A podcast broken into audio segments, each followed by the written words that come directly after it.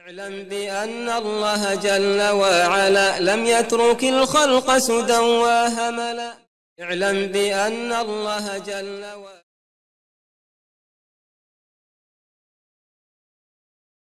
بسم الله الحمد لله الصلاة والسلام على رسول الله استعين بالله لا حول ولا قوة إلا بالله. اللهم لا سهل إلا ما جعلته سهلا وأنت تجعل الحزن إذا شئت سهلا. اللهم أرنا الحق حقا وارزقنا اتباعه وأرنا الباطل باطلا وارزقنا اجتنابه. ولا تجعل الحق ملتبسا علينا فنضل.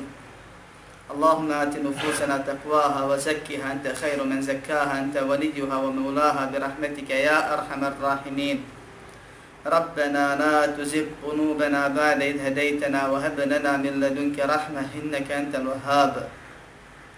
اللهم علمنا ما ينفعنا وانفعنا بما علمتنا وزدنا علما نافعا وعملا صالحا وفقها في الدين والثبات على طاعتك حتى نلقاك برحمتك يا أرحم الراحمين اللهم يسر ولا تعسر اللهم بارك وتمم بالخير أما بعد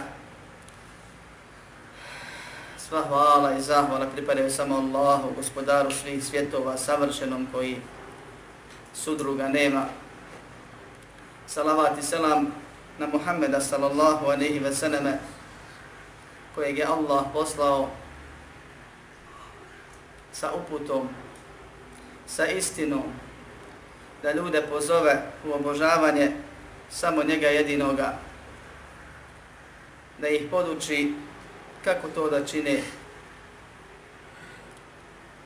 da ih ili da im upotpuni najlepše ponašanje i moral. A zatim čovjek na dunjaluku živi između blagodati na koje mora da zahvaljuje iskušenja na koje mora da osaburi i da strplji bude i propisa u vidu naradbe i zabrane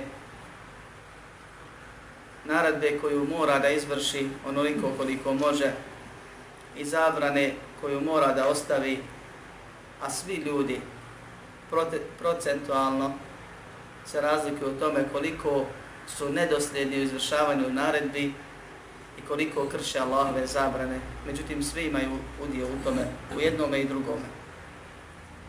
Pa se to popravlja istighfarom koji nam je obavezan, traženjem oprosta od Allaha subhanahu wa ta'ala i pokajanjem na koji nas Allah poziva i kojim se gospodar svjetova raduje. Na blagodatima se mora zahvaljivati. Na iskušenjima se mora osaboriti. Mora se izdržati. A oni i boljeg imana od nas znaju biti zahvalni i zadovoljni sa iskušenjima. Shodno spoznaje uzroka tih iskušenja i koristi iskušenja za ljude. Od iskušenja kojima Allah subhanahu wa ta'ala iskušava svoje robove su raznorazne bolesti. Jedna od tih bolesti je bolest ili iskušenje sihra. To, braćo, nije nikakav bauk. To nije ništa čega se treba stidjeti, sramiti. Gluho bilo ima sihr. I tako dalje. To je jedno od Allahovi iskušenja. Neko ima rak, neko ima problem ovaj, neko ima čir, neko ima nešto, neko ima sihr. I s tim se treba nositi. Taj sihr, kao i svako drugo iskušenje, bilo bolest ili nešto drugo, je Allahova odredba. Allah je savršeni gospodar koji jedini zaslužuje da biva obožavan. Pa je Allah prvo savršen. A iz njegovog savršenstva on je gospodar. Inače ne bi mogao gospodar da nije savršen. I zbog te dvije stvari on jedini zaslužuje da biva obožavan. Savršen je bez mahane, savršen ne griješi. Tvoje i moje iskušenje, odnosno iskušenja kroz koja prolazimo i kroz koja ćemo prolaziti u životu, su dijelo i odredba savršenog koji ne griješi. I čovjek kad to ima na umu, na umi, automatski mu 70% iskušenja ode, prođe, nestane kod ga nema. Toliko se olakša. Jer to znači da ti kad si u tom danu toliko sati, toliko minuta iskušan tim iskušenjem, to je najbolje za tebe. To je odredba savršeno koji ne griježi. Sve drugo bi bila greška. Pa kad si svjestan toga, budeš zahvalan, zadovoljan, a malo je onih koji su na tom stepenu. I to nije obavezan, to je pohvalno. Ne raduješ se. Ono što je tužno te rastuži. Ono što je bolno te boli. I to je normalno. Ali si zadovoljan i strpljiv u najmanju ruku. A strpljivost je obavezna. Međutim, sama spoznaje da je to dijelo savršenog je od najkorisnijih stvari pri iskušenju. Tako treba da bude. Alhamdulillah. Zato nam je propisano kad dobijemo blago da kažemo Alhamdulillah. Hvala i zahvala Allahu. Hvalimo ga što nam je to dao pa mu zahvalijemo. A kad nas pogodi neko iskušenje kažemo šta?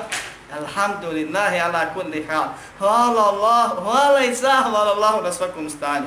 I hvalimo ga što nam je to dao. Mi ne znamo što je to dobro, ali znamo da je dobro za nas i zahvaljujemo. Sve to je sadržano, alhamdulillah. Pa je jedno od tih iskušenja, iskušenja sihra.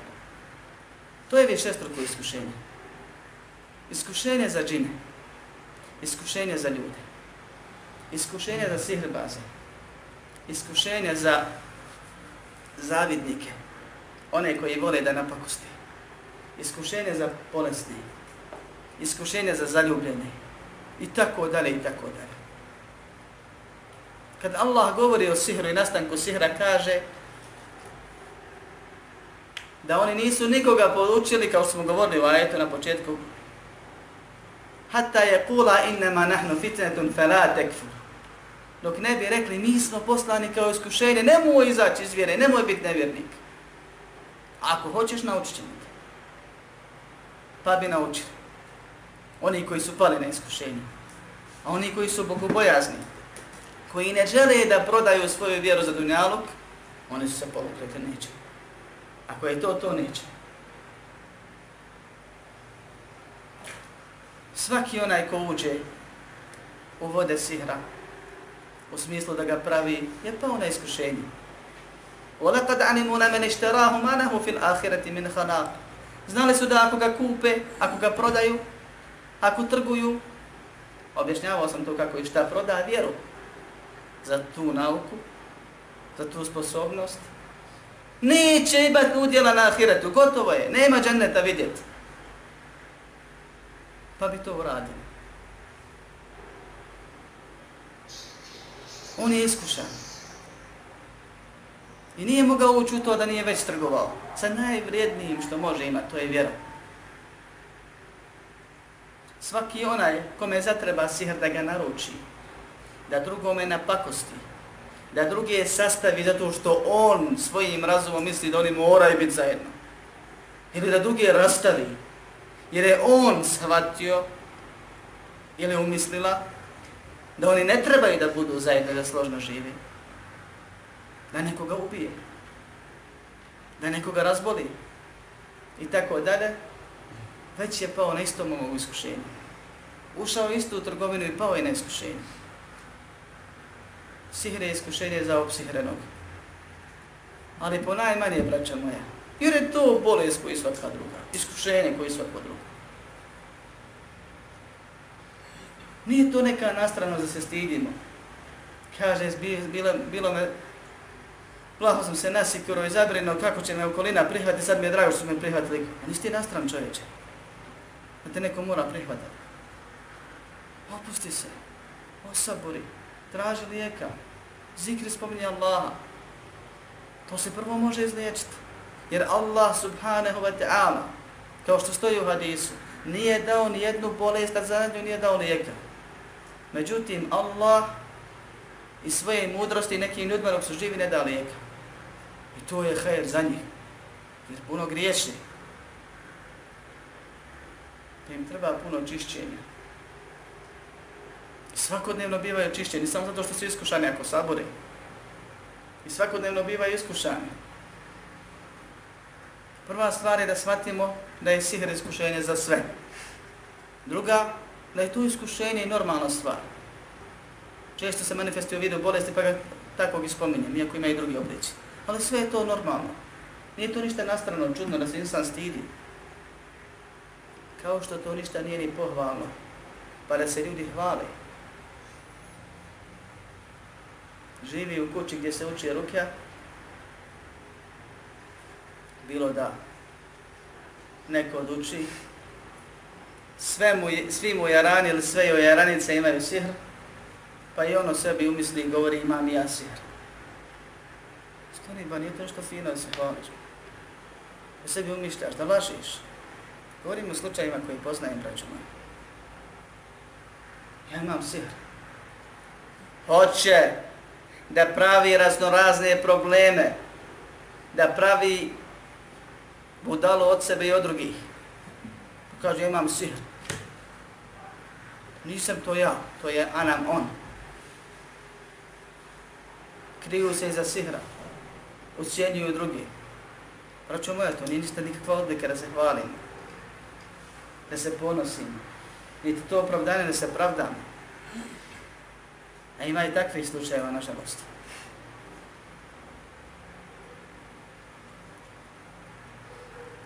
Sihr je iskušenje. I kao takvog ga trebamo shvatiti.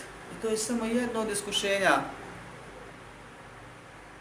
kojima ljudi bivaju svakodnevno iskušani. I neko ima sihr i još deset drugih iskušenja. Pa ne treba biti prepoznat i poznat po sihru. Inne ekremekum inda Allahi etqakum. Najbolji od vas kod Allaha su najbogobojazniji od ova koje su bitne, da musliman stalno ima na umi, da dovi Allahu, jer su bolji od nas doveli La teđa'al musibetena fi dinina. Nemoj da naši musiveti budu u našoj vjeri. Nemoj da nam iskušenje, nemoj da budemo iskušani u vjeri, ne daj Arab. Najveća iskušenja iskušenje, iskušenje u vjeri. Kad ti vjera propada, drugo ti napreduje. Pa ti se zabaviš tim drugim. Izgubiš ono najvrednije.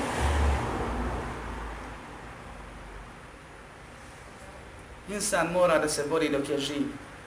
Da se bori da u džennet uđe. Sve ostalo će da bude i prođe. Nemojmo sebi dozvoliti da zaboravimo cilj zbog običnih stanica na putu ka tom cilju.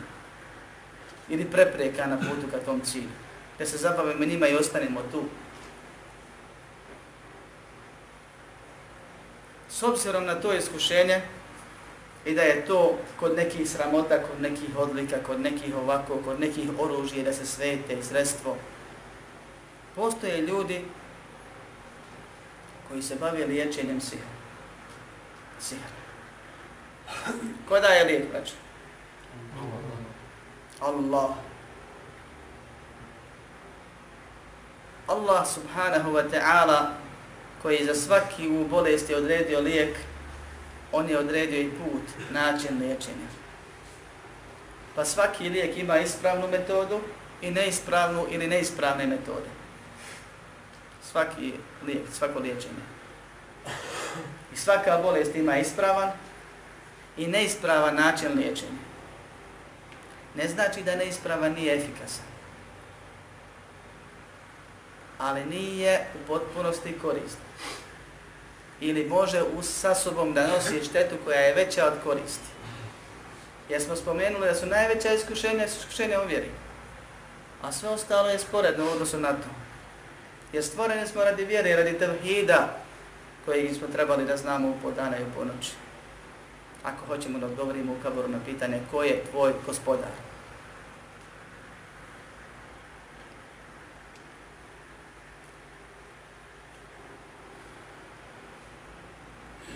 S obzirom da postoji bolest i iskušenje zvano sihr, postoje i ljudi koji ga uklanjaju.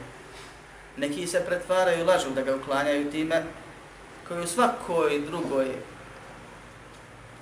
branši ili kako već reći, nađu se ljudi koji love u mutnom. U svemu, vjeri, politici, ekonomiji, trgovini, neko radi kako treba, neko radi kako ne treba, ali makar radi, a neko se pretvara da radi samo da bi uzeo ono što je kod ljudi, u džepovima ljudi. Pa postoji kategorija koja laže da skida sihre, da uklanja. Postoji, braćo moja, kategorija koja ih zaista uklanja, ali na neispravan način. Na način koji je štetan, dunjalički i ahiretski. Na način koji može da te vjere košta, a njega je svakako košta. On je svoje svakako podao. I zbog toga je ovo poglavlje sta, napisano i zapisano i stavljeno u knjigu o Tevhidu, koju radimo već osam i više mjeseci. Da znamo, ako iskušani budemo ili iskušanog vidimo, da ga opomenemo ili da pouku uzmemo, pa da ono što je ispravno koristimo, a ono što je neispravno ostavimo.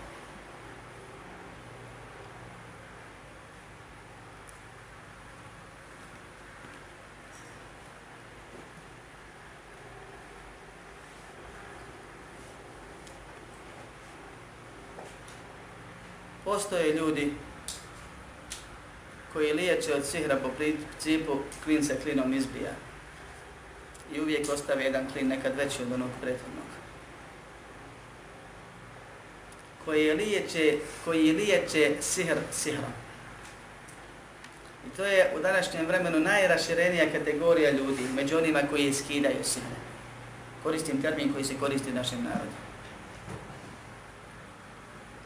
Neki to zovu šarijaska rukja ili liječenje od džina. I to je ispravnije ali ne znači da svako ko napiše da liječi Kur'anom ili da istjeruje džina ili da uči rukju, da to radi na ispravan način. Govorili smo malo pričitavo poglave o ruki. Ovdje ima poglavlje u nušli. Nušla je otklanjanje sihra. Uzeta od glagola koji znači skidanje, otklanjanje, uništavanje, otkrivanje, tako kad dođe bolesan čovjek, pa mu se prouči, ustane kao da nema više bolesti i ode normalno. Kao da ima na sebi neki teret pa ga sklonnost. To je jezički. Terminološki liječenje ili otklanjanje sihra od opsihrene osobe. Liječ nušra je bio, termin nušra je bio zastupljeniji kod Arapa kako se može razumjeti, od termina rukja. Allah najbolje zna. I često su ga koristili vraćevi i njima slični pri, u džahilijeskom dobu. I zbog toga su dolazili poslaniku sallallahu alaihi sallam pitali ga o nušri. Nušra, kao i rukja u današnjem dobu, sama, sam termin ne znači ispravnost djela.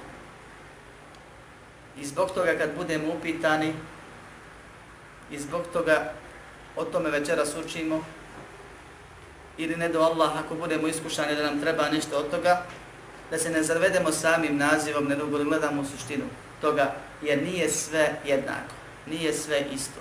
Postoji ispravan i neispravan način. I to je glavni cilj ovog pogleda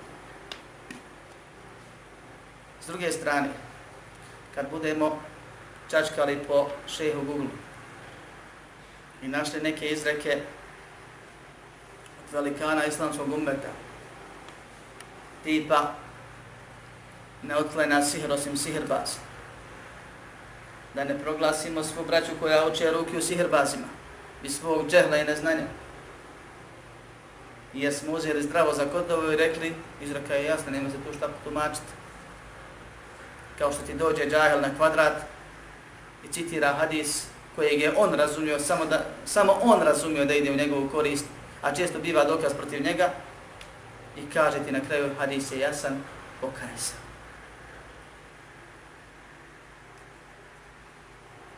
Iz ta dva razloga večeras ćemo ako Bog da prokomentarsat poglavlje koje je veoma kratko, ali ovaj uvod je bitan, pa nam je trebalo ovoliko vremena. I hvala Allah što je dao da se to tako kaže. Poglavlje o nušri, poglavlje o klanjanju sihra. Od Džabira se prenosi da je poslanik sallallahu alejhi ve sellem upitan on en nušri, o određenoj nušri, sa određenim članom u arapskom jeziku od poznatom načinu lijeko, liječenja koje je kada je poslanik sam sam upitan, on je znao o čemu bi, o kojoj vrsti biva pitan. Pa je odgovorio, hije min ameli šeitan, to je šeitansko djelo. Odnosno, to je šeitansko zavođenje. Jer je isti termin upotrebio Musa, a.s. kada je greškom ubio ono kopta, pa rekao hada min ameli šeitan. Ovo je šeitansko dijelo. Šeitan me naveo.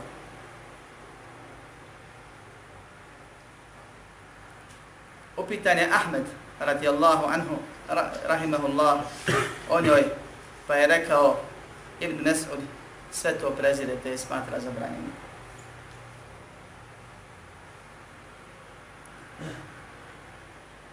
Ako doslovno uzmemo provoditi ove stvari, glaslo bi ovako. Upitan poslanik od klanjanja sihra, o liječenju sihra, o skidanju sihra, pa rekao o ruki šerijatskoj, pa rekao to je šetansko dijelo. A ima Mahmed rekao i mesel to sve zabranije. Tako se može razumjeti, a ne mora, hvala Bogu.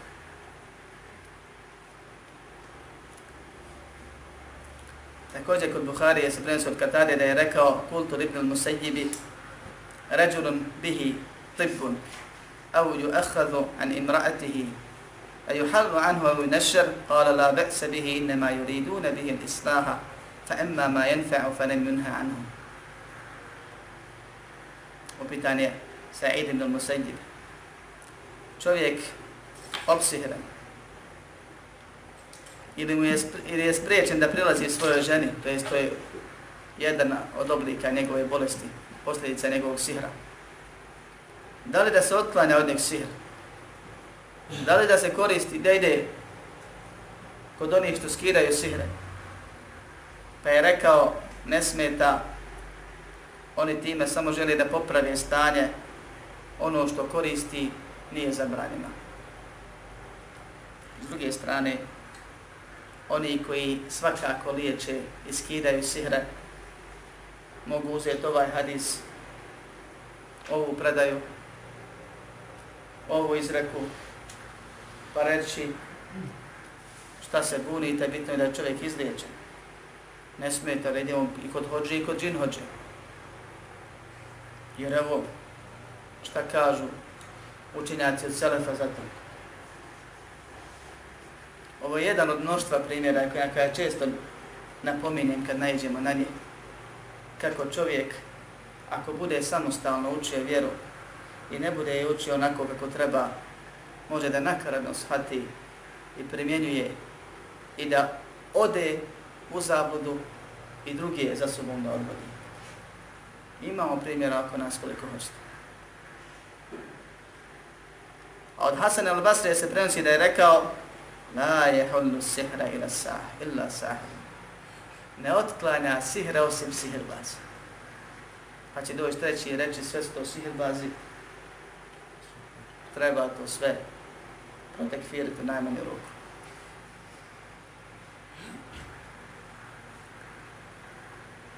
Da ne bih tumačio ove hadise, ni šejh nam nije ostavio da ih mi tumačimo, rahimahullah, autor ovog dijela, spomenuo je govor Ibnul Kajima koji ih pojašnjava. Pa ćemo ga pročitati ako Bog. Kaže Ibn Kajim. Nusra znači otvaranje sihra od opsihrenog. I postoje dvije vrste nušra. Halun bi sihrin mithlihi. Wa huwa alladhi min amali shaytan wa alayhi yuhmanu qawlu al-hasani. فيتقرب الناشر والمنتشر إلى wal muntashiru ila ila shaytan bima yuhib المسحور. Jedan od dva načina liječenja sihra je liječenje sihra sihra. Izbijanje klina klina. Čak kad odeš kod takvog, on ti to kaže, tu izreku spomeni. Znači da kaže, nema druge. On ti poslao džina, imam ja jačeg. On će njega ne istira. A to što ćeš ti doći sa čirom, a vrati se s rakom, to je nebitno. Ne znaš ti ko ti je to napravio.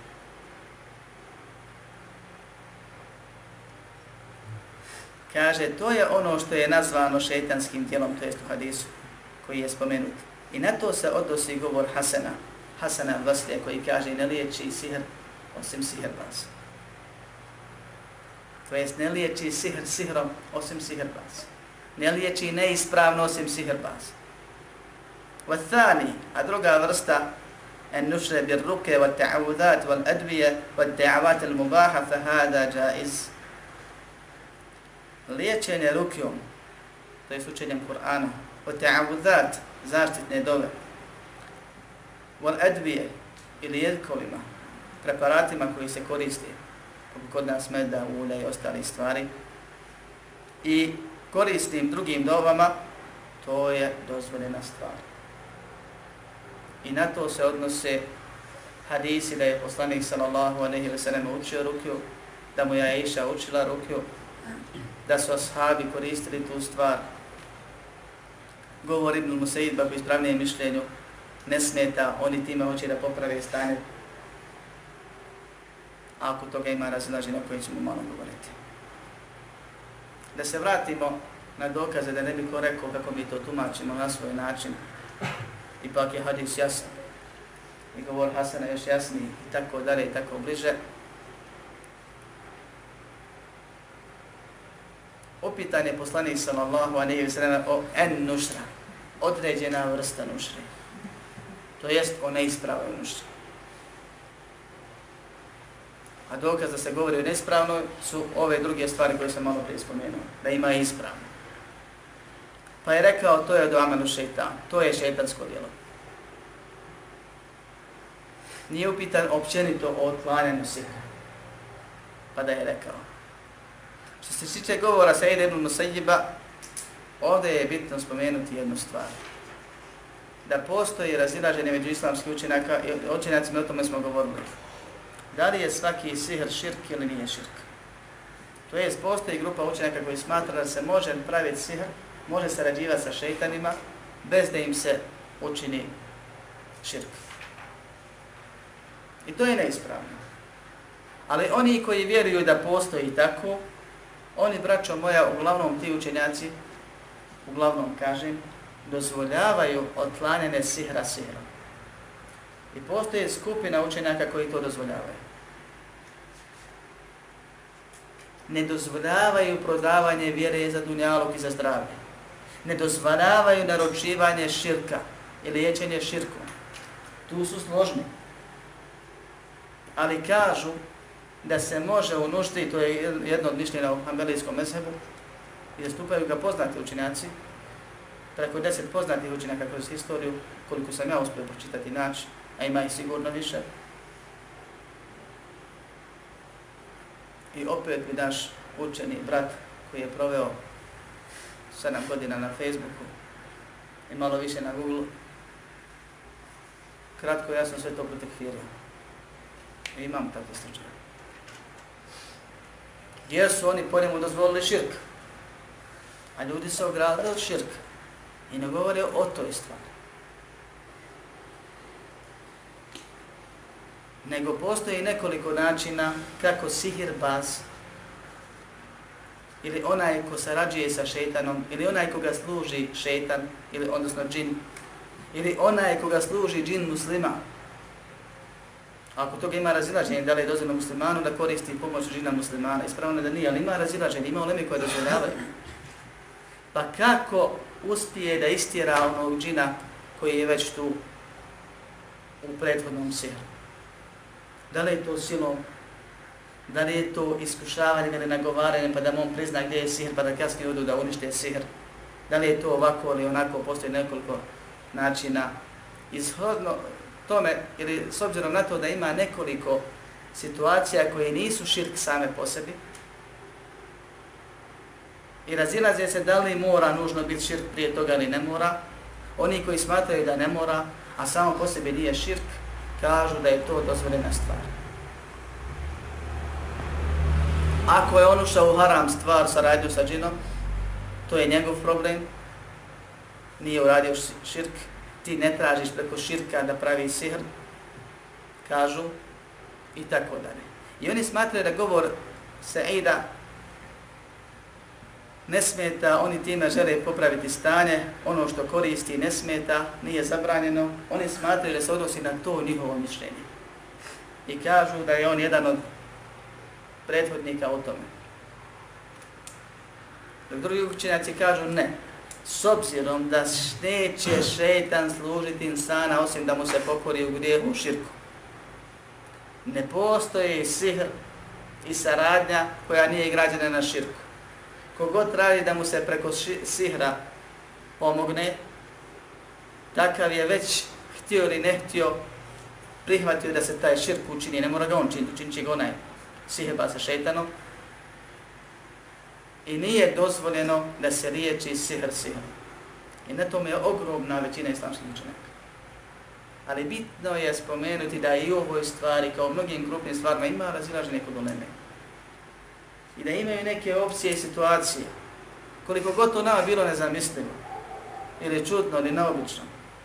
kad sjediš i čitaš ljudi na po deset stranica spominju dokaze, situacije, verzije, opcije, kako je to moguće, kako to nije grije. Do te mjere da skoro da se objediš.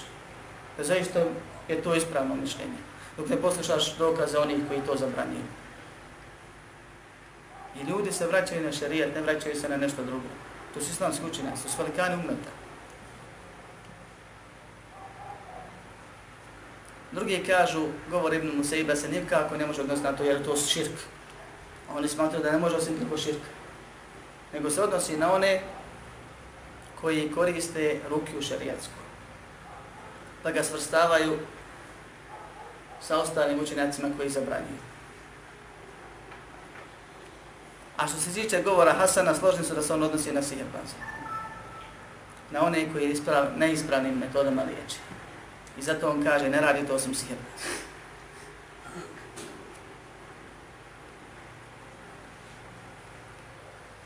Zaključak ovog predavanja je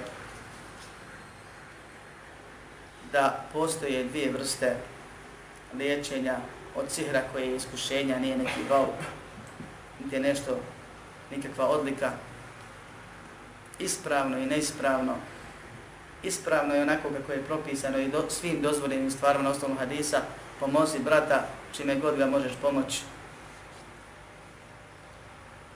Naravno, dozvoljeni stvari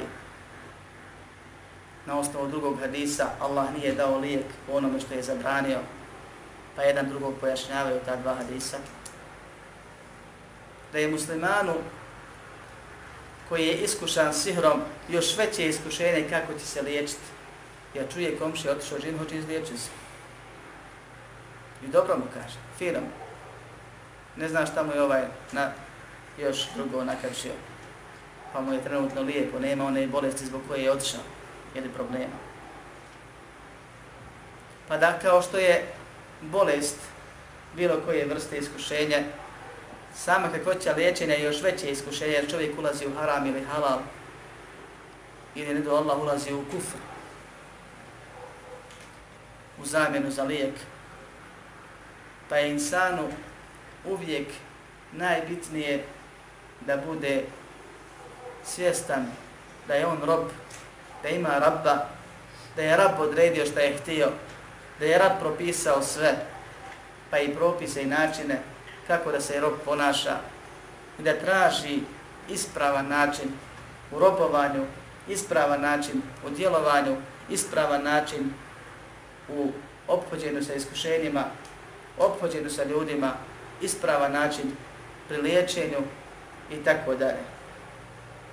U suprotnom, čovjek može doći u situaciju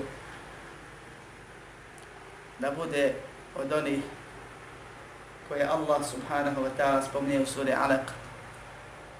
Kalla innal insana la yatqa ar ra'ahu stagna. Čovjek se zaista iz obijesti, uzoholi, uzdigne, pređe granice. Tagut postane, da yatqa. Kad? Kad se osjeti da je neovisan. Kad misli da može što bi on se vucao mjesecima po rukama kad mu ovaj zadan može se okloniti. A pare, hvala Bogu, ima, nije bitno koliko košta, može to sve da da, pa da rahat ide da trči dalje za dinjalkom. A to što može vjeru prodati, to je kod nekih sporedna stvar. Dok vjernik radi onako kako Allah dalje spomeni, i svjestan je onoga što Allah napominje, inna ila rabbika ruj'a. Ona se gospodaru vratiti vala pred Boga stati, vala Bogu dževab dati. Na dan kad će se neki smijati, a drugi plakat. Težak dan, težak vakat. Šta god bude od iskušenja dunjaločkih, to ne vrijedi sekunde džahennema. To ne vrijedi sekunde kaburskog iskušenja. A i ono čime te Allah iskušao, Allah je savršen, ne greši, to je za tebe dobro. I Allah subhanahu wa ta'ala nikad nikom nije i nikad nikom neće zulum učiniti. Sve si ti to zaradio, zaslužio, tražio. Čim ti je iskušenje dao, već je ti oprostio i pokrio. Jer je tako on rekao i tako se opisao. Da ono čime nas iskuša, to smo zaslužili, a mnogi, mnogo nam je oprosti. Dakle, nije nam dao onoliko koliko smo zaslužili nego nam je dao manju patnju da bi nas očistio i sačuvao veće patnje. I čovjek onda trči da ubrza i ne bira sredstva i pravda se nekakvim izrekama utopljenih se zaslanku hvata i tako tome slične stvari, a da je svjestan da će se Allahu vratiti i da će pred njim račun polagati, ne bi sebi dozvolio da radi sihr, da zulum drugima čini niti bi se upustio u to da se sihrom liječi. Molim Allah subhanahu wa ta'ala da nas uputi na pravi put, da nam džennet stalno bude pred očima kao najuzvišeniji cilj i Allah subhanahu wa ta'ala zadovoljstvo, da nas pomogne da umremo on s nama zadovoljan, da nas uvede u džennet sačuva džahennemske kazne, da naše iskušenja ne budu u našoj vjeri i da nas sačuva učvrsti pomogne, oprosti nam i sastavi nas u džennet onako kako nas je sastavio na dunjaluku. Amin. Walhamdulillahi rabbil alamin.